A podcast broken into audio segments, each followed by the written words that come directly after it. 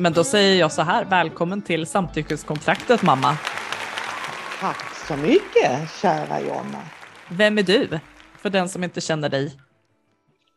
Mm, ja, jag är ju mamma till dig och sen så har du ju tre sys mindre syskon också. Jag har blivit mormor och så har jag tre eh, goa hundar här. Lever själv här i Helsingborg och det är jag inte ledsen för. Nej, du har ett Ja. gött liv. Jag har ett gött liv faktiskt. Mm. Faktiskt, varför säger jag faktiskt? Nej, men jag har ett gött liv. Och eh, vem är jag? Ja, men jag är en passionerad eh, 53-årig, rätt så eh, modig, eh, tydlig och eh, nyfiken människa. Mm. Mm. Det kan jag också skriva under på. Ja. Vilken eh, yrkesbakgrund har du? när jag var ung så eh, ville jag bli skådespelare. Så att jag är utbildad skådespelare och sen kom jag in på regi, utbildade mig till teaterregissör. Så jag jobbade mycket med det när ni var små. Och sen kom jag in på, alltså det här med intimitet och sexualitet, det är ju otroligt intressant. Så jag eh, gick en treterminsutbildning till sexability coach som arbetar med sexualitet och intimitet. Eh, och sen var det ett nytt kall som kom in senare i livet. Och det var Gud som kallar. Och Gud har ju alltid varit närvarande i mitt liv på olika sätt. Gud kallade in mig i kyrkan som jag var ju konfunderad över det där länge. Liksom. Men, men Gud och jag gjorde en deal. Så att jag gick in i teologin och är präst sen, är det sju eller åtta år nu? Mm. Ja. Mm. Om vi hoppar ett steg tillbaka till det här med sexability coach. Mm. Eh, för att så som jag förstår det så är det en Eh, inriktning inom tantra, eller hur? Alltså det är en, en, man kan säga, eh, tantra är, är en del av, av hela denna utbildningen. Tantra är ju en, är ju en livsfilosofi. Vi tror ju när vi säger tantra att det handlar om sex och sexställningar och så. Eh, men, men tantra är en livsfilosofi som handlar om närvaro och sårbarhet och öppenhet och så. Mm. Så sexability är att eh, så som jag har arbetat med det och så som jag arbetar med det nu i mina kurser och så. Jag har alltså kvinnokurser också inom, inom intimitet och kvinnlig kraft.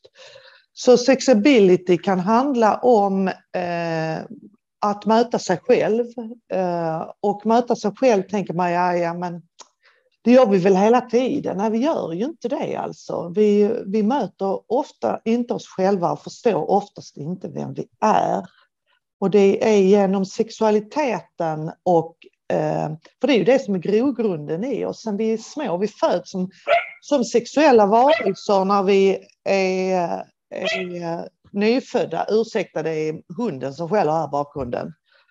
Eh, och det påverkar oss genom våra liv på olika sätt. Eh, hur vi handskas med vår intimitet, vår sexualitet i oss själva, till oss själva eller tillsammans med en partner.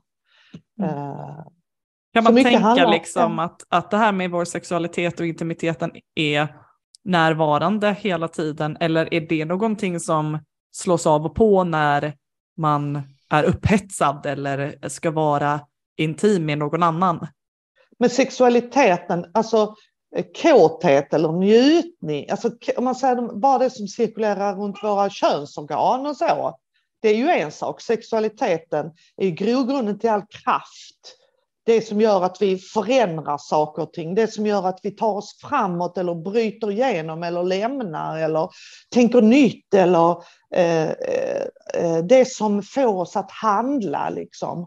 Eh, Eh, Så ja, vår sexualitet bär vi alltid med oss i vilken ålder vi än är i. Men Mm. det skiftar lite i färg, om man, kallar det, om man kan säga det som färger, så eh, skiftar det lite i färgsättning utifrån vilken ålder vi befinner oss i och så, skulle jag vilja Mm. säga. Mm. Och Bra intensitet- beskrivning. Intensitet och så. Mm. Och då reflekterar jag vidare lite grann om man är asexuell.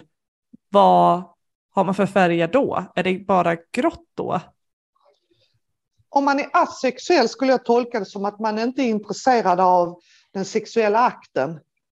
Det är för mig asexuell, men man är en sexuell varelse. Eh, Man agerar, man lever, man är född med en sexualitet. Men man är inte intresserad av en sexuell relation. Mm. Så skulle jag nog säga. Och det är ju inte det primära. Mm. Mm. Ja, men om man, om man skulle sätta en färg på det, går det? Går det att sätta en färg på en asexuell läggning? Nej, det tror jag inte alls. Jag tror att vi, alltså vilken färg det än är, vi är mångfald. Vi är födda med en specifik eh, kodning i oss. Det är bara att titta på våra fingertoppar. Det finns inte någon lik den andra.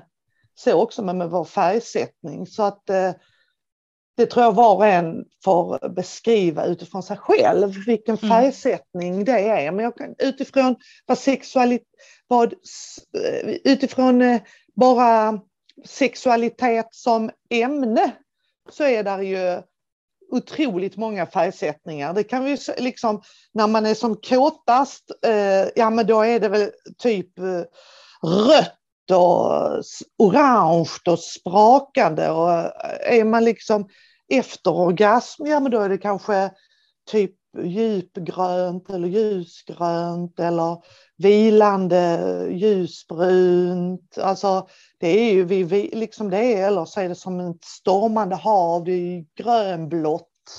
Alltså det är ju lite utifrån vad, vem vi är som Mm. människor. Vi är födda för liten personlighet. Och så. Vad poetiskt. Det var väldigt fint beskrivet. Ja. Mm. Men hur skulle du säga att dina erfarenheter och kunskaper från eh, Sexability coach-utbildningen och arbetet där kommer till användning eh, i ditt arbete i kyrkan som präst? Går det att dra några paralleller däremellan? Alltså när man, jag tänker att när man gör sådana här väldigt intima utbildningar, för det är det verkligen, intima, man går, man går rakt in i sig själv eh, och nästan dissekerar sig själv för att ta reda på vem är jag? Och då ser man ju också ganska mycket mer annat.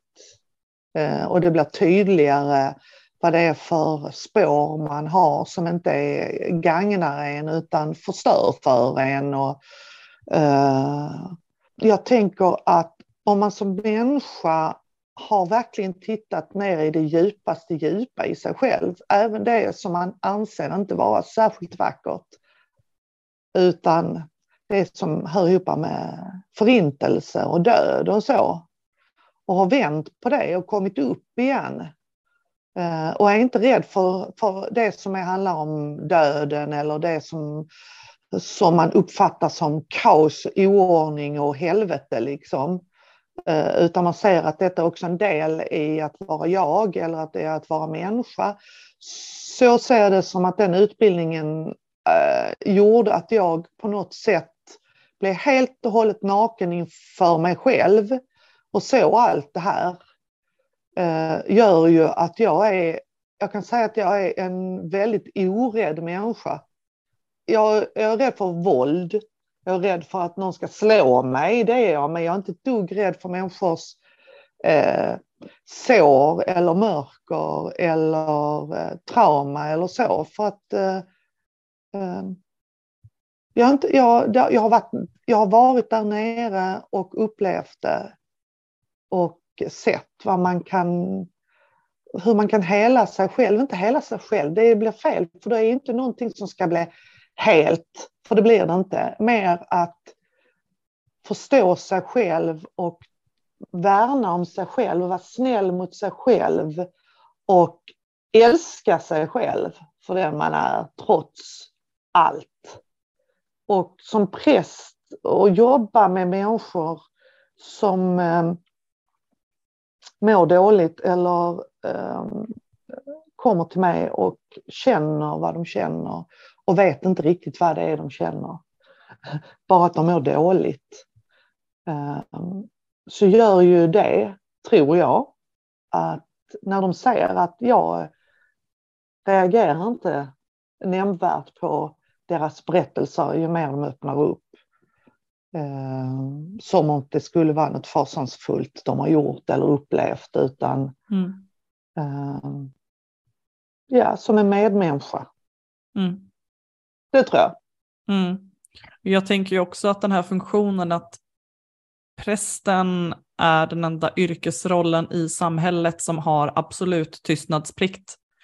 Det finns mm. ingenting någon kan säga till en präst som ger prästen skyldighet att berätta det vidare, inte ens mord. Nej. Och eh, för den som inte är kyrkovan så kommer det alltid som en chock. Mm. Så jag har funderat över liksom det, det ansvaret, vad fördelarna och nackdelarna med det. Än så länge har jag inte hamnat i en situation där jag har eh, i möten där jag har känt att god gud, vad ska jag göra? Eh, vad synd att jag har total tystnadsplikt. Mm. För annars hade jag gjort detta och detta och detta. Mm. Utan jag ser det som en möjlighet att hjälpa denna människan till, till eh, att anmäla själv eller söka stöd själv. Jag, det är ju så att jag inte kan, jag kan följa med och stödja en annan människa i att söka hjälp och så. Eh, och att de kan komma tillbaka, att man hjälper personer som mår så dåligt eh, genom att eh, vara en god lyssnare men också en, eh, en möjliggörare till att hitta vägar ut ur någonting som man verkligen inte ska vara i. Inte jag personligen, men det finns ju många andra vägar att gå än att, att sitta kvar i någonting som man inte mår bra av i mm. sig själv eller i en relation eller så. Mm. Jag tror den här funktionen öppnar upp möjligheten för väldigt många som känner till den att berätta någonting som de kanske inte hade berättat för en mm. socialsekreterare eller läkare eller kurator eller psykolog sådär. Och att ja, det, fin det, det finns en jätteviktig funktion med den men kanske också eh, alltså, väldigt svår för den präst, tänker jag, som måste hantera en sån situation. Mm. Det, då kan jag säga på något sätt har ju min egen livserfarenhet gjort att, eh, eh att jag eh, vilar mycket i mig själv. Så när jag jobbade mitt inne i stan i Malmö, då var det mycket mer sådana här själavårdande samtal. Eh, och det är inte konstigt att det är oftast då kvinnor, men det är inte konstigt att kvinnor kommer till mig för vi sänder ut saker och ting eh, var vi än jobbar som gör att människor blir attraherade på olika sätt och förstår att här är, här är nog en människa som skulle passa mig eller mitt behov. Jag säger att hon skulle kanske kunna hjälpa mig. Och det innebär ju inte bara jag utan vi tonar in på varandra. Eh, så eh, ja, det är klart, när folk kommer eh, med djupa trauma och stora och djupa sår, såklart någonstans i djupet av mig så triggas ju mitt lilla barn med alla de hemska erfarenheterna som jag har också.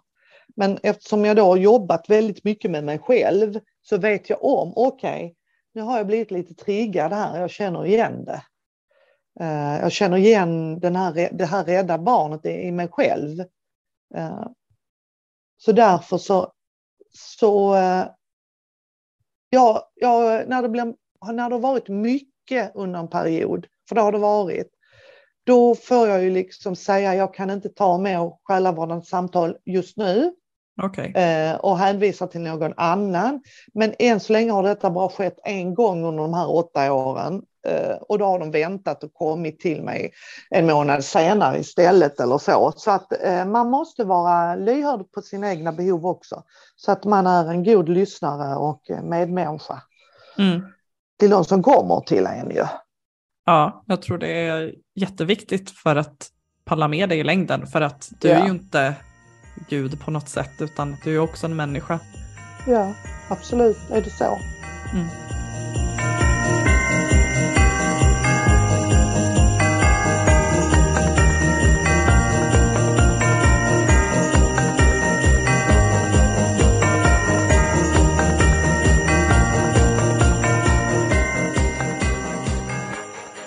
En annan fundering sådär, som jag tänkte lyfta med dig är um, Paolo Roberto. Han har ju startat en egen podd och i ett av avsnitten så bjuder han in en prästkandidat att prata om förlåtelse med. Eh, och i det här fallet så gällde det ju specifikt Paolo Robertos brott där han köpt sex eller ja, eh, köpt ett övergrepp eh, mot en kvinna med utländsk härkomst. Eh, och det framgår inte om, om det var trafficking eller eh, om hon kom hit eh, på eget bevåg. Men, eh, men han dömdes i alla fall för sexköp. Och i det här avsnittet så pratar han och den blivande prästen om att den, den som går utan synd får kasta första stenen. Mm. Vad är din reaktion på det spontant? Eh, spontant så reagerar jag ju jättestarkt på det för jag är ju, är ju en sårbar människa. Eh, det det för mig, eh, det där lämnar jag över till Gud. Alltså jag som, om det hade kommit en förövare till mig som präst, någon som hade förgripit sig eller våldtagit och söker stöd hos mig, då hade jag sagt att jag är inte den personen du ska gå till. Jag är inte lämplig att mm. vägleda dig eller lyssna till dig. Men jag vet någon som du kan gå till, som mm. jag kan rekommendera. Mm. Uh, därför, det skulle vara alldeles, alldeles för svårt för mig att vara neutral i ett sådant samtal. Men det här, eh, den som är fri från synd kastar första stenen. Mm. Alltså att jämställa det med eh, en våldtäkt på, eh, på en kvinna i ett, i ett sådant sårbart tillstånd. Det där tycker jag är, eh, tycker jag är, är en, eh, tycker jag en dålig vägledning eh, skulle jag vilja säga som den här presskandidaten mm. uttrycker därför att det kan provocera oerhört stort alltså i, i att jämföra det på det sättet. Mm. Fri från synd, kasta första stenen. Det är som att um, inför Gud är ju, vi, vi är ju människor så det där att, att, bli, att bli förlåten, det är bara Gud som kan förlåta detta på något sätt. Mm. Och jag är inte meningen att jag ska förlåta någon egentligen. Eh, så tänker jag med mina livserfarenheter som jag själv har för övergrepp som liten och så. Mm. Så jag har lämnat över det till Gud därför att skulle jag börja fundera på att jag skulle förlåta mina förövare, det skulle bli ett sånt fruktansvärt jobb trauma skulle jag vilja säga för mig. Eh, det, det, är mycket, mycket lättare för mig att säga jag vilar i att, att Gud sköter om det där. Mm. Om jag sköter om mig själv, om jag jobbar på att omfamna mig själv, ta hand om mig själv, värna om mig själv, älska mig själv, så, så tänker jag att att den, de människorna som har utsatt mig utifrån, nu pratar jag utifrån mig själv, de sitter ju med sitt eget mög, skulle jag vilja säga. Så den här Paolo Roberto, Alltså ja, om han, om han vill lyfta fram detta med den här prästkandidaten och att prästkandidaten tar dessa bibelcitat, ja men det får ju stå för dem. Men det visar ju också på att det finns en svaghet. Mm. Att man behöver bekräftelse på att man någonstans eh, är förlåten. Men det kan bara den själv känna i, i sitt hjärta. Jag är förlåten. Mm, mm. Jag är förlåten. Alltså det är som att det finns en, eh, en skillnad i att rikta sig med det här mot andra människor, men att rikta sig till bud, Gud i en bön mm. är annorlunda och det kanske är bara den vägen som finns att gå egentligen för att få förlåtelse i det här fallet. Uh, vi ja, har jag, ju ja. ett väldigt liksom, tänk, hårt ja, samhälle förlåt, där. Vad skulle du säga? Ja, förlåt Jonna, jag blir så ivrig. Nej, men alltså det här att vi ska... Det här är så himla viktigt. Alltså det här att förlåta sig själv, Gud i oss. Det är ingen, ingen riktning bortom, det är i riktning inåt. Mm. För vi är, vi, är, vi är en del av Gud. Vi, vi är skapade i, vi alla del, liten, liten del av någonting som är så fantastiskt som vi i vår religion säger Gud. Eh, det, och, och den, den gnistan eller den lilla eh, fantastiska kärnan i oss det är den vi vänder oss inåt till när jag pratar om intimitet. Men, och intimitet är definitivt förlåtelse. Förlåt mig. Förlåt mig vad jag har gjort. Mm. Förlåt mig Gud. Förlåt mm. mig själv. Om man med sanning säger det till sig själv, förlåt mig, då händer någonting i oss. Mm. Någonting otroligt vackert och stort eh, och smärtsamt. Mm. Jag tänker att det finns olika typer av förlåt. I förra mm. avsnittet med pricken rosa så eh, tog vi upp det här att eh, mm, gärningsmän som begått våldtäkter extremt sällan ber om förlåtelse eh, och ber om ursäkt. Och då tog jag upp ett exempel på den här predikanten eh, som levde ett dubbelliv där han begick sexuella övergrepp i nära anslutning till badplatser i Täby där eh, Caroline Pricken Rosa faktiskt bor. Ehm, och i, under rättegångarna så gick han flera gånger ut eh, och vände sig direkt till offren och bad om förlåtelse.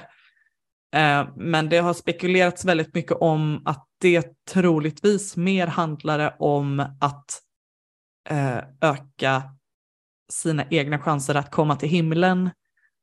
För han var ju såklart troende eh, hade en väldigt stark tro och där det var väldigt präglat att eh, det finns ett helvete och det finns en himmel dit bara vissa kommer och mm. för mm. att komma dit så måste man ha fått förlåtelse. Um, det var en frireligiös kyrka i det här fallet. Vad tänker du om det? Är, är ordet förlåt alltid detsamma eller kan det finnas olika typer av förlåt? Men det jag tänker, vi har, uh, ord kan vara så oerhört laddade uh, och det kan användas i, i det högsta goda och det kan användas till det sämsta ever, liksom. Uh, som kärlek eller detta kärlek eller förlåt när man inte menar förlåt eller eh, det kan handla om en stor egocentrisk del som, eh, som liksom det är egot som säger förlåt eller det är egot som vill bli älskat eller så här. Eh, eh, så, oh, det är så många aspekter av det där. Men jag kan, mm. alltså det, för det första så finns det ju inget helvete efter vi dör. Efter vi, efter vi går ur tiden finns det inget helvete. Eh, helvetet skapar vi inom oss själva när vi, när vi lever o, osant, eh, när vi missbrukar oss själva, när vi missbrukar andra, när vi missbrukar kärleken, när vi, när, när vi, eh, när vi vänder oss bort mot Gud, skulle jag vilja säga, när vi blir bortvända mot livet. Eh, det, då skapar vi ett helvete i oss själva. Och det innebär ju inte att det inte kan förändras. Allting är i utveckling, konstant alltid. Det som ett helvete kan bli ett himmelrike. Så, mm. så det kan bli vackert och sårbart och, och, och, man kan bli otroligt vis och klok och förstå andra människor. Man kan ju vända på det med att, att han springer runt och ber om förlåt. Nu har ju inte jag sett den eh, direkt, vad du, jag bara lyssnar på vad du säger. Men mm. att, att Eh, jag skulle, ja du, jag vet Alltså inte. jag, jag klarar inte heller av att lyssna färdigt på det här avsnittet för Nej. att jag, det var någonting i mig som skavde väldigt mycket. Eh, men hans tes, Paolo Roberto och den här eh, eh, prästkandidatens, eh, men deras tes var ju att det finns två olika typer av skam på mm. samhällsnivå. Mm. Det finns sund skam, det som får oss att och eh, ta rätt val eh, som är vägledande på ett sunt sätt och sen så finns det en osund skam som är eh, destruktiv på individnivå.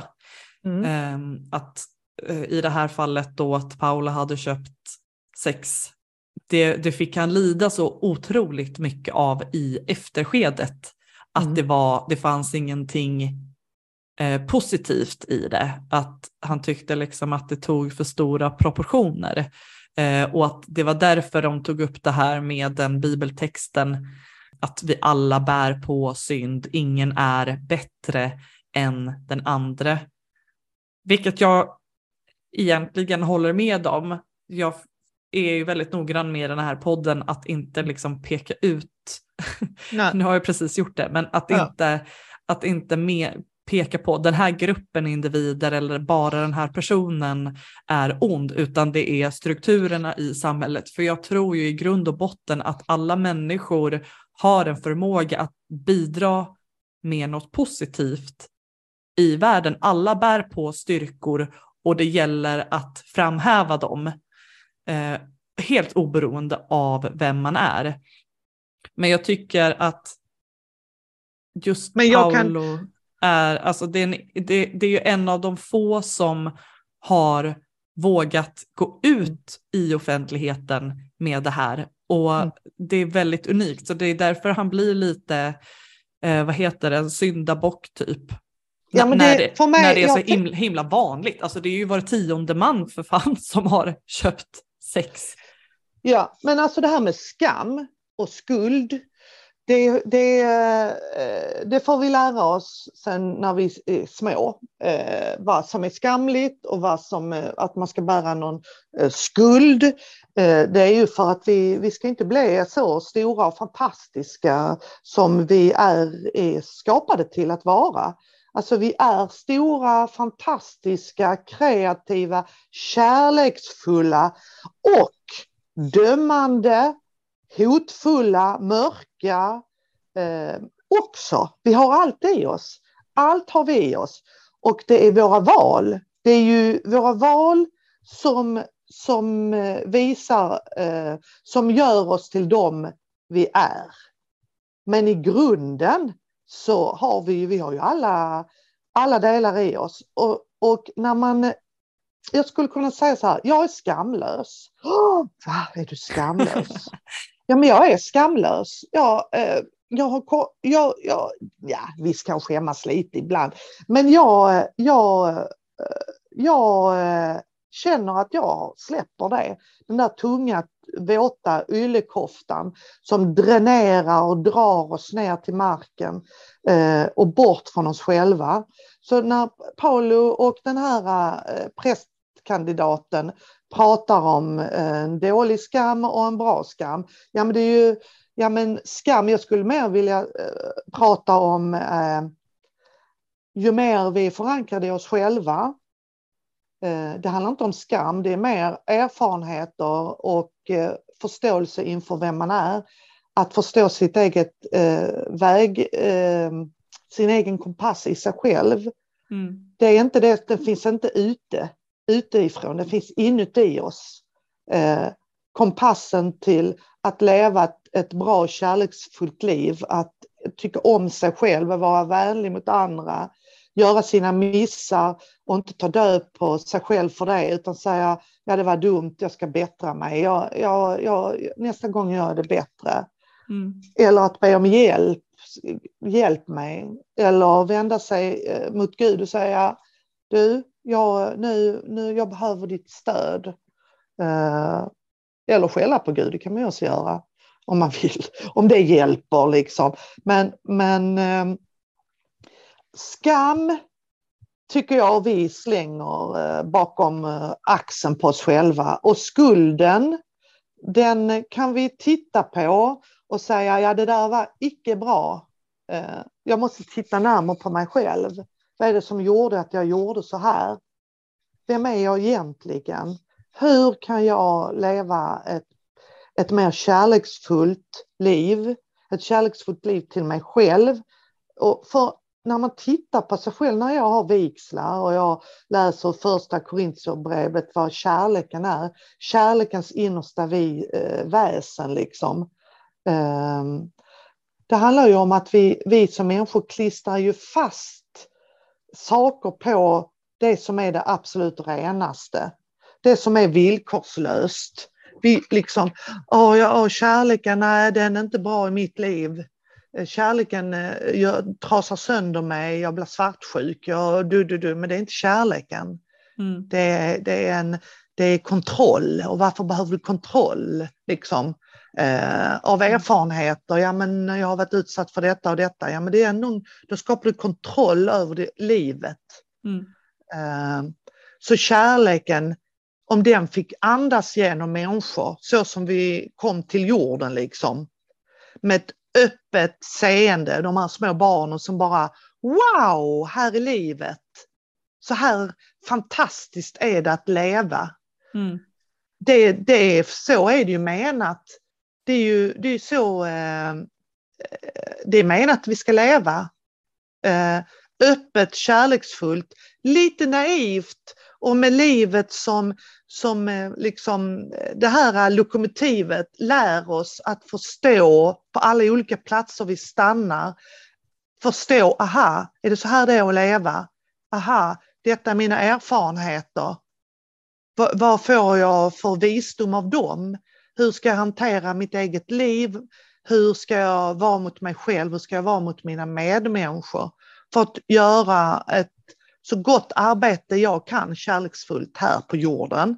Det är liksom därför vi är här. Vi är, inte, vi är inte här för att vi ska exponera oss själva konstant där ute och leva utanför oss själva och aldrig hitta hem. Det finns så otroligt mycket ensamhet i denna värld, men vi behöver inte vara det. Mm. Eh, men, men om vi tar det här med svartsjuka till exempel. Mm. Man har jättestora kontrollbehov. Vad ska man ha för strategi? För jag tänker att alltså, självklart är det ju någonting som går ut över andra på ett väldigt destruktivt sätt. Men framför allt så drabbar det ju en själv av att hela tiden mm. gå runt och känna att jag är inte kontroll, jag måste agera på den här känslan. Mm. Eh, och jag tror att det är då det blir en ond spiral. Kan man bryta den spiralen till exempel? Klart man kan, men alltså hur? alltså jag har varit jättesvartis genom mitt liv. Jaså, Tills... har du? Oj, oj, oj. Ja, det har jag varit. Eh, för jag har varit så rädd för att förlora någon. Utifrån mina erfarenheter som barn att bli övergiven om och om igen gör att jag som ung kvinna i 20-årsåldern fick liksom panikattacker över när pojkvänner gick ut ur rummet.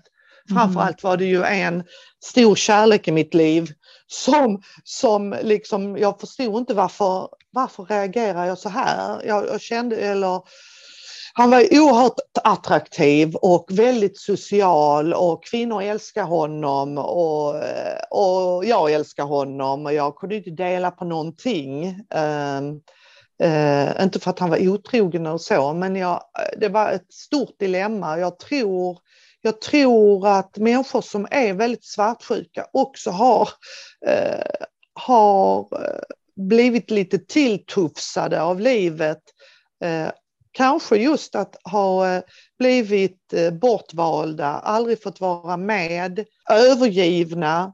Så när de möter kärleken och kärleken uppstår, det sprakar och det är helt underbart, så blir de också, går de också in i det här inre barnet. Nu pratar jag om det här inre barnet av livserfarenheten som ett litet barn. Eh, att hålla fast. Rädslan över att, att, att tappa bort någon som älskar en. Eh, och den svartsjukan är, den är en sjuka. Den är, den, är, den är förtärande skulle jag vilja säga. Tills jag insåg att jag väljer ju också män som, som är, har behov av bekräftelse. Så när jag växt, blev lite äldre och pappa, er pappa kom in i livet och som aldrig på något sätt skulle utsätta mig för det eller hade inte den, det uttrycket i sig gjorde ju att jag blev trygg och mm. förstod att okej, okay, det är så här. Man kan också välja en partner som inte är så eh, vad säger, exponerande av sig själv utan, mm. utan, eh, Eh, utan man kan välja en partner som, som har ett annat sätt att uttrycka sig. Men jag tänker, är man svartsjuk, lever man i en relation och man känner svartsjuka, då måste man kommunicera. Till exempel om man är ute och festar eller du, det hade varit fint om du kom återkopplat till mig eh, typ, kan vi bestämma att du, vi träffas här om man inte går tillsammans var 30 minut och så pussar vi lite på varandra så kan vi väl gå och hålla lite handen. Man, man mm. måste uttrycka lite sina behov. För den andra partnern kan ju inte veta det. Mm. Och där Men tänker det... jag att, att för vissa kan det vara en jättebra strategi och för andra så kan det vara svårt att hantera om man då, för nu ser jag ju det från perspektivet icke svartsjuk. Mm. Att det kan kännas som att man blir kontrollerad då. Mm. Och min uppfattning är att det här kanske är någonting som ger näring till svartsjukan och att det mm. lätt spiller över till okej okay, men när vi eh, träffas så vill jag dessutom eh, titta igenom dina sms-konversationer. Um, jag ja, det är har ju ingen liksom sund aldrig... relation. Nej. Um, men det är mer... Jag, jag tänker ju bara på den här personen som är svartsjuk. Jag tänker ju inte så jättemycket på den personen som är tillsammans med någon som är svartsjuk. Mm. Um, och att... Man skulle att, behöva, alltså man vill ju slippa vara svartsjuk. Precis. Alltså de senaste 15 åren, 20 åren, oh, herregud det är ju längre än så, har jag inte varit svartsjuk men jag pratar ju som ung kvinna innan ja. stod vem jag var och vad jag hade med mig i mitt bagage. När jag börjar förstå mig själv har jag ju förstått också vad jag behöver. Det är det att varje människa måste titta på sig själv och säga vad behöver jag för att mm. vara trygg i mig själv. Eh, väljer man att leva i en kärleksrelation så tror jag det är jätteviktigt eh, att man uttrycker det, eh, att jag är lite sårbar här i detta. Eh, mm. Eh, det innebär inte att jag vill kontrollera dig, men jag är, jag är sårbar. Alltså att uttrycka sin sårbarhet, mm. Eh, då hoppas man ju att man lever med en människa som ser det som en gåva. Åh, vad fint att hen uttrycker detta, jag ska försöka tänka på det mm. utan att man ska kontrollera någon annan för det är ju fasa. Det är ju inte bra, absolut mm. inte. Mm. Nej, och jag tänker svartsjuka är ett sånt tema som är ganska återkommande mm. i liksom våldsamma relationer till mm. exempel. Um.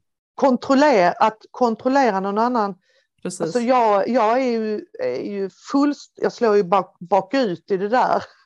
när någon ska kontrollera mig. Det är därför jag lever själv också.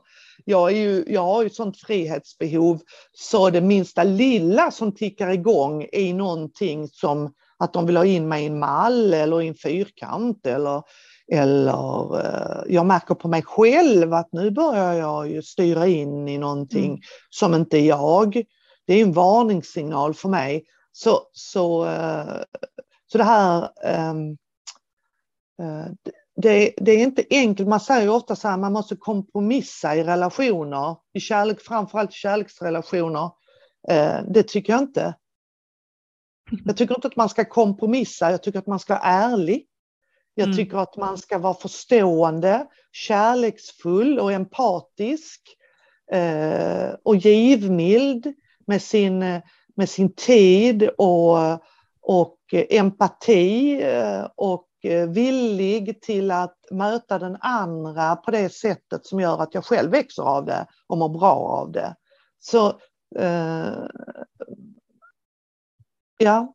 Jag tänker ju att lösningen på svartsjukan finns bara hos personen som bär på den. Vad är det lösningen då? Jag tänker väl att en, en väg skulle kunna vara att ta reda på vad svartsjukan beror på. Mm. Um, och sen så tror jag också att det handlar om att hålla tillbaka sina impulser. Mm. Jag som själv har svårt att hämma mina impulser mm. förstår ju hur extremt svårt det kan vara. Nu är jag aldrig svartsjuk på det sättet, eh, men jag kan känna det på andra nivåer. Och jag tänker väl att det handlar i, när man pratar om ångest och ångesthantering så pratar man ju ofta om exponering, att man behöver sakta men säkert exponera sig för det som triggar ångesten. Eh, men, men liksom under kontrollerade metoder. Det är inte bara att man ska kasta sig ut i någonting för det kan ju göra det värre, men att man sakta men säkert testar. Är det farligt att för mig till exempel gå på bio eller att ta eh, en lång tågresa? Det för mig triggar jättemycket ångest. Men om man börjar med att åka tåg i tio minuter istället för fem timmar så kan man sakta men säkert vänja sig vid att nej, det här var faktiskt inte farligt. Och jag tänker att det skulle kunna vara samma sak med svartsjuka. Nu är jag bara lekman här, men mm. jag tänker att testa att inte agera på den här känslan, utan bara acceptera att den är där. Mm. Acceptera att ja, jag känner mig oerhört osäker på min partner just nu. Mm. Eh, men se vad som händer om man inte gör någonting. Mm. Därför jag tror att det finns en väldigt tydlig ond spiral. Att ju mer man agerar, ju mer man försöker kontrollera, desto mer misstänksam blir man. Absolut. Det håller jag, ja, absolut, det tror jag Jonna. Och det här du säger att titta på sig, att vända sig, att titta på sig själv, det är ju det första man måste göra eller behöver göra. Vi behöver alla lära känna oss själva. Mm. För när vi eh, eh för när vi pratar liksom om det där, och vi kompletterar varandra, hen är min andra hälft, jag är inte hel utan hen eller alltså det är ju för mig, då blir jag, då, jag skulle aldrig gå in i en relation, du är min, ah, du liksom, jag behöver dig därför att jag har inte detta själv. Eh, då skulle jag backa eh, därför att vi behöver vara så eh, förstående inför oss själva så när, om man tittar på sig själv, varför är jag svartsjuk? Om man verkligen vågar öppna de där dörrarna, de där inre rummen som man, inte, som man har lagt åt sidan eller så, eh, eller glömt bort. Men, men de, de finns ju i oss hela tiden. Eh, och det kan man ju få hjälp med att öppna upp och titta på i kärleksfullt och så. Men ser man vad som finns där, sitter där ett, en, ett litet barn Eh, tre år eller sju år övergivet och skräckslagen av erfarenheter som gör att den agerar på det där när den utsätts som vuxen för eh, rädslan över att mista. Så tittar man ju på det här lilla barnet och, och eh, okej, okay, det är Sara, fyra år, som agerar, alltså okej, okay, då förstår jag lite bättre. Och så får man ju jobba med får man jobba med sig själv eller omfamna sig själv i det. Eh, och försöka läka så mycket det går, den där bristen som det man aldrig fick men skulle haft. Men det finns ju också sår i oss. Vi ska inte lura oss själva genom att säga allt går hela. Allt, allt går hela. Det tror inte jag på. Jag tror att det är mycket som går att leva med jag tror att, eh, jag tror att mycket går hela, men inte allt. Eh, som människa förstår att de här delarna, de bär jag lite som en, en sårbar skatt. Jag måste ta ansvar för de här delarna i en kärleksrelation. Men jag behöver också vara öppen inför min partner och säga så här sårbart är det just här. Jag hoppas att du eh, känner att du kan se, eh, se mig i det och att du står kvar i det. Man kan ju be om det. Man kan ju be om en, en, eh, en öppen famn när man mår som sämst. Liksom. Mm. Eh, men de här förövarna vi pratar om, de som slår och våldtar och eh, nu pratar vi oftast om kvinnor som utsatts för det. De har ju aldrig vänt sig om och tittat på sig själv. för hade de gjort det så tror jag att de någonstans hade stannat upp. Mm. Ja. Någonstans ja. där har det ju gått väldigt fel. Ja.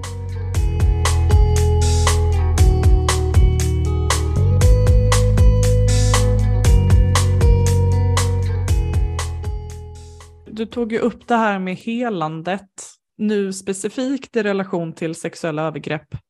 Mm. Um, så, så håller jag nog med dig att det, det går inte att läka helt och hållet från ett, eh, en våldtäkt till exempel. Um, däremot så kan man lära sig att leva med det. För mig har ju en del av den processen varit att gå ut med det och inte bära på den här eh, enorma skulden och sorgen själv, mm. utan jag, jag, delar den med andra. Mm. Och jag tror att det finns något väldigt viktigt i det du säger, att acceptera att det kanske aldrig kommer bli helt och hållet bra, men man kan lära sig att älska sig själv ändå. Och specifikt den här biten att det var inte mitt fel, tror jag är, den är oerhört svår men oerhört viktig att känna. Absolut. Alltså, vi är ju konstant, det, min räddning har ju varit som litet barn att jag alltid känt mig oerhört älskad. Inte av, av människor på jorden, alltså inte konkreta människor i min omgivning, eh, utan, eh, utan någonting som var större än mig själv, som jag alltid har samtalat med. Och när jag började skolan förstod jag, aha, namnet, det, den här kärleken eller den här kraften har ett namn. Det är Gud. Mm. Det, aha, är det Gud det heter? Och det är ju eh, och för mig är det ju inte det en gubbe på ett moln utan det är ju, det är ju en kärlekskraft som bor i oss alla och, och i mm. allt som är levande. Och, alltså, det, det, är så roligt att du säger det, för varenda gång jag berättar för någon att jag är kristen och troende, så säger de ja, alltså jag tror ju inte på att det sitter eh, en eh, skäggig man på ett moln. Mm. Och, det, och det eh, obehagligt ofta som det händer. Jag känner mig så dumförklarad varje gång. Vad tror du att jag tror det? Ja. Att Precis. Gud vore så eh, förenklad. ja, det är, det ja, det och så tänker jag, åh, tänk om, tänk om alla dessa människor som känner denna enorma ensamhet eller alla dessa sår som man går och bär på, eh, som man inte yttrar eller ens skriver ner. Alltså det finns ju en, finns ju en kraft runt oss konstant och i oss som bara vill tala om för dig att du är så älskad Mm. Från topp till tå med allt vad du än har hittat på eller inte hittat på. Eh, och det är samma sak det här som vi pratar om, det här med helandet och kärleken.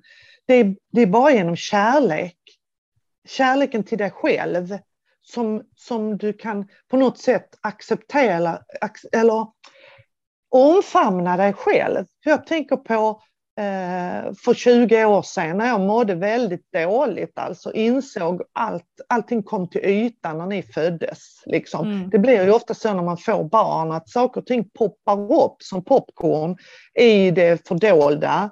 Eh, framförallt förlossningen gör ju att saker och ting händer fysiskt med oss.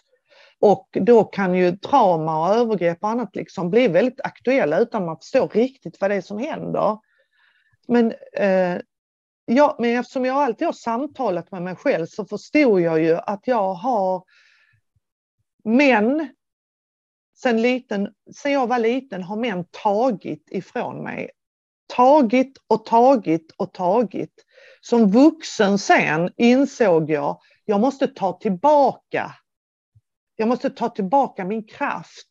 Jag måste ta tillbaka kärleken till mig själv. Mm. Jag, måste, jag, jag, behöver förstå att, att jag måste omfamna det där och inte låta kraften bara sippra ut i alla de här hålen som har som skapats av erfarenheter, utan jag måste ta tillbaka det i kärlek och respekt för mig själv. Mm. Och det är ju att sätta gränser. Det är att säga nej. Det är att säga, för mig har det varit så, nej. Det gör du F-A-N-I. Eller, eller säga ja, det vill jag. Jag vill ha, vill jag ha två? Nej, jag vill ha 75. Jag sa ja 75 vadå? Ja, det kan vara vad som helst.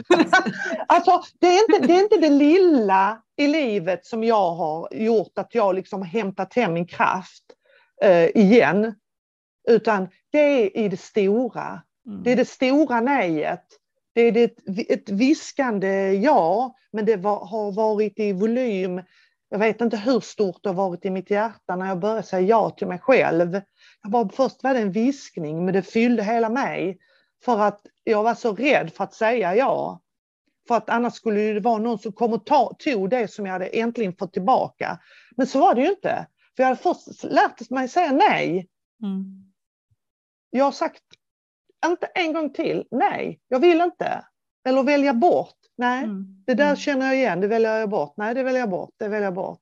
Till slut blir det här viskande jaet i mig bara det som jag hör nu. Ja, ett ja, ja till ja mig till själv. Vadå? Ja till, till dig själv. själv. Ja till kärleken i mig själv. Ja till att bekräfta mig själv. Ja till kraften. Ja mm. till att jag är så här stor och brokig och, och ibland eh, too much och ibland eh, säger jag för tydliga saker och ibland är jag jättekärleksfull och ibland är jag inte alls det. Så eh, ett ja till att ja, det, detta är jag. Alla brokigheter och tokigheter och Eh, och alla såren som jag liksom lyfter upp det här lilla barnet i konstant och säger Jessica kom och sitt i mitt knä. Jag känner att idag är du lite extra rädd. För hon har jag ju pratat med genom alla år.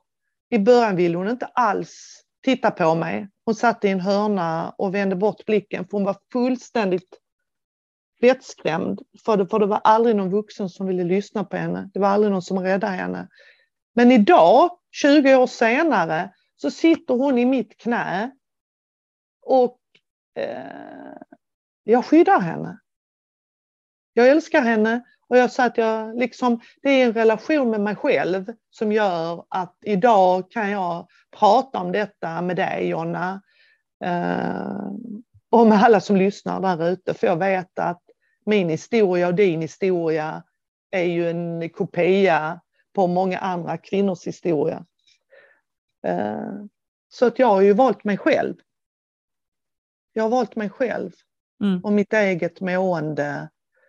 Eh, för när man är själv och skapar relation med sig själv, det har jag gjort i ett antal år nu, skapat en intim relation med mig själv, gör ju att livet blir ju så fantastiskt. Mm. Hur tror du att, vad ska man kalla det för, den här eh, egenkärleken, kärleken till sig själv, hur kommer den till uttryck i praktiken? Hur, hur skulle det kunna se ut om du ger något exempel? Eh, jag tänker också utifrån liksom budskapet att jag känner mig oerhört älskad. Jag känner mig oerhört älskad av er barn eh, framför allt. Liksom. Men jag känner mig också alltid buren. Jag har alltid känt mig buren. Och ju mer jag har fångat upp och tagit hem mitt inre lilla, min inre lilla Jessica så känner jag också att den här källan, den här villkorslösa kärleken, den tar inte slut för att jag ger den vidare. Eftersom Eh, det är ju meningen att när vi förstår oss själva och får ta emot den kärleken som jag då säger är Gud, men som någon annan kallar någonting annat. Den här kärleken som fyller oss. Det är meningen att vi ska ge den vidare därför mm. att det fylls bara på i oss själva. Så till exempel så, eh, så tror och hoppas jag att när jag möter människor i, i mitt eh, liv som, som präst i gudstjänster eller i själavård eller i, ja, vad det nu än kan vara, att, det, att jag ger av den källan genom mig och med mina kurser. Eh, att jag är en att jag som alla andra är en kanal för det absolut bästa, goda, härliga, underbara, kraftfulla, det som är mm. vi. Mm. Jag tror att för mig när jag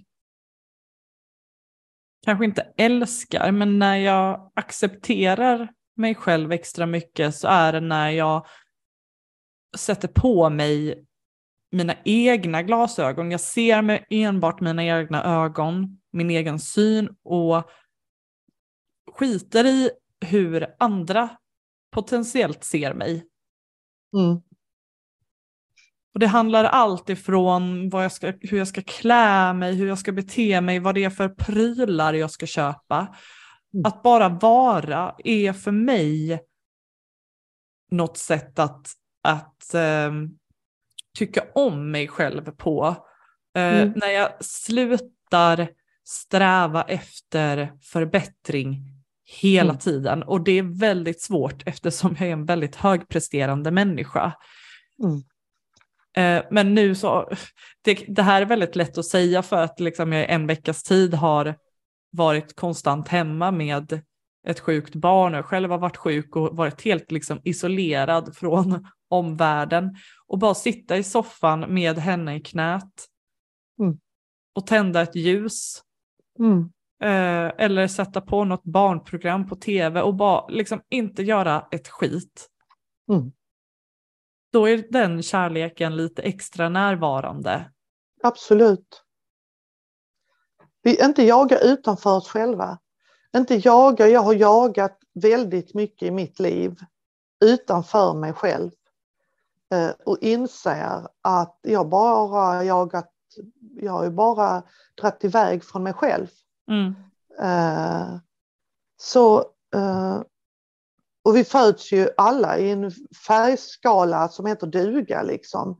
Om vi hade sett oss genom Guds ögon så hade vi blivit förvånade och överlyckliga för att vi hade ju sett vilket enormt färg skimmer hela jorden är fylld av. Mm. Varenda liten individ skimrar i sin egen, eh, liksom, i sin egen skala av ljus och, och, och färger. För det är det vi är, vi bara tittar på naturen. Mm. Eh, och det är inte i det svåra, det är inte i det komplicerade vi skiner mest i. Nej, det är det absolut enklaste. Mm. Det, är då, det är då själen eller uttrycket i oss liksom får ro. Det är ingenting som ska presteras. Det är att vara mm. här och nu.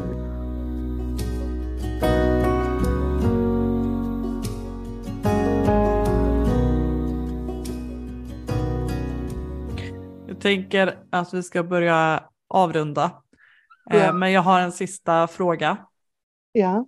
Som jag ställer till alla och det är ju vad är samtycke för dig? Hur tror du samtycke kommer till uttryck? Samtycke för mig. Det, samtycke för mig är ju kommunikation. Alltså, eh, har man inte eh, kommunikation, både ta emot och att ge. Mm. Välfungerande eh, kommunikation kanske? Ja, för jag tänker, jag har ju lyssnat på dina avsnitt, många av dem Jonna, eh, mm. och jag tänker att, att vi kvinnor behöver också eh, ta tillbaks kraften för att också uttrycka oss. Eh, ibland tänker jag, och det, eh, det står jag för, att vi kvinnor behöver också, vi är vägledare på mång, mångt och mycket och det är trist att behöva vara det. Men, men eh, ibland är det så att eh, vi behöver förstå oss själva för att skapa en balans. Precis som, nu pratar vi om manligt och kvinnligt, men samtycke handlar om att också stå upp för sig själv, att förstå, att säga ja och säga nej. Eller jag känner inte för detta, men jag kanske känner för det sen. Eller om man inte kan uttrycka det, använda sitt kroppsspråk. Nu mm. pratar vi om sex. Till exempel ta, ta partners hand och lägg det på din kropp någonstans där du känner här, detta är bra. Man måste mm. förstå sig själv och sin egen sexualitet.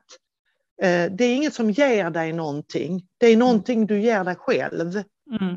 Din intimitet med dig själv. Så samtycke för mig, det är att värna om sig själv men också den, eh, den eh, relationen man har. Och det mm. handlar om tydlighet. Tydlighet. Ja, jag känner så väl igen alla beskrivningarna på, på hur, eh, hur, hur män har liksom jag som också med min ut, har varit utsatt för detta som liten reagerar oerhört starkt när män kommer in i min, min sfär där jag har sagt hit men inte längre, kliver rakt in olyhörd eh, och kliver in eh, i det. Och jag säger eh, nej, jag vill inte. Så det är ju, en, det är ju sorgligt men sant. Mm. Att det är en övning. Eh, därför annan, de, det, det är jag vet inte vad samtycke egentligen är. Jag har hört mig själv nu mm. snurra runt i det lite. Men, men när jag lyssnar på dig så, ja. så um, gör jag väl någon tolkning av en del av det du sa. Mm. Just när det kommer till liksom kvinnlig sexualitet, att när man känner lusten komma så mm. bjud in. Mm. Um, men, men du behöver liksom bara bjuda in till det du själv vill. Sen mm. så om man inte blir lyssnad på, det är ju den personens ansvar som inte lyssnar att lyssna. Mm. Yeah. eh, och agera därefter. Men att det kanske inte behöver vara så svart och vitt. Att det mm. inte behöver vara antingen eller. Antingen så har man eh, penetrerande vaginalt samlag där bara mannen får komma eh, eller ingenting alls, utan det finns enorma dimensioner i det här.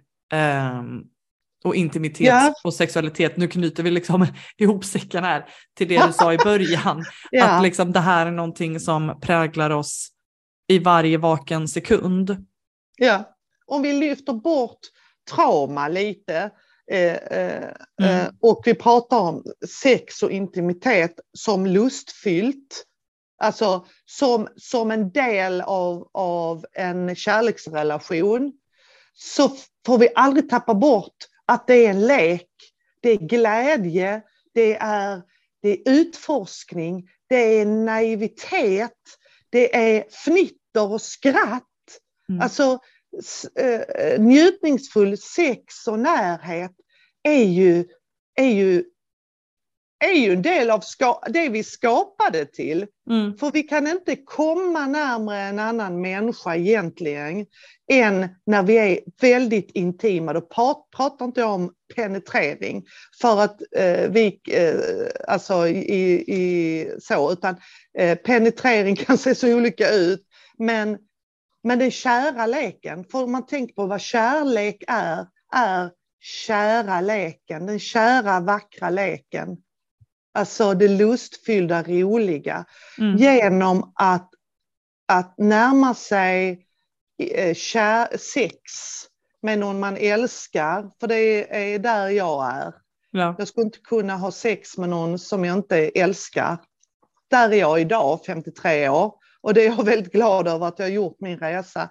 Den, den eh, den, det är ju så vackert så att man skulle kunna gråta, jag bara tänker på det. Hur ja, en del det gör ju det, tänker jag. Ja. Gråter ja. för att det är så fint, så ja. härligt. Ja.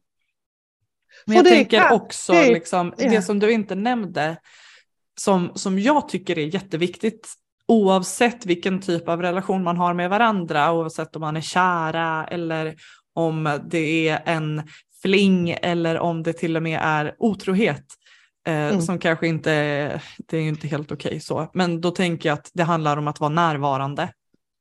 Att det är lite vuxen mindfulness. Att är man inte där mentalt eh, så, så tappar det lite sin innebörd att vara intim med någon.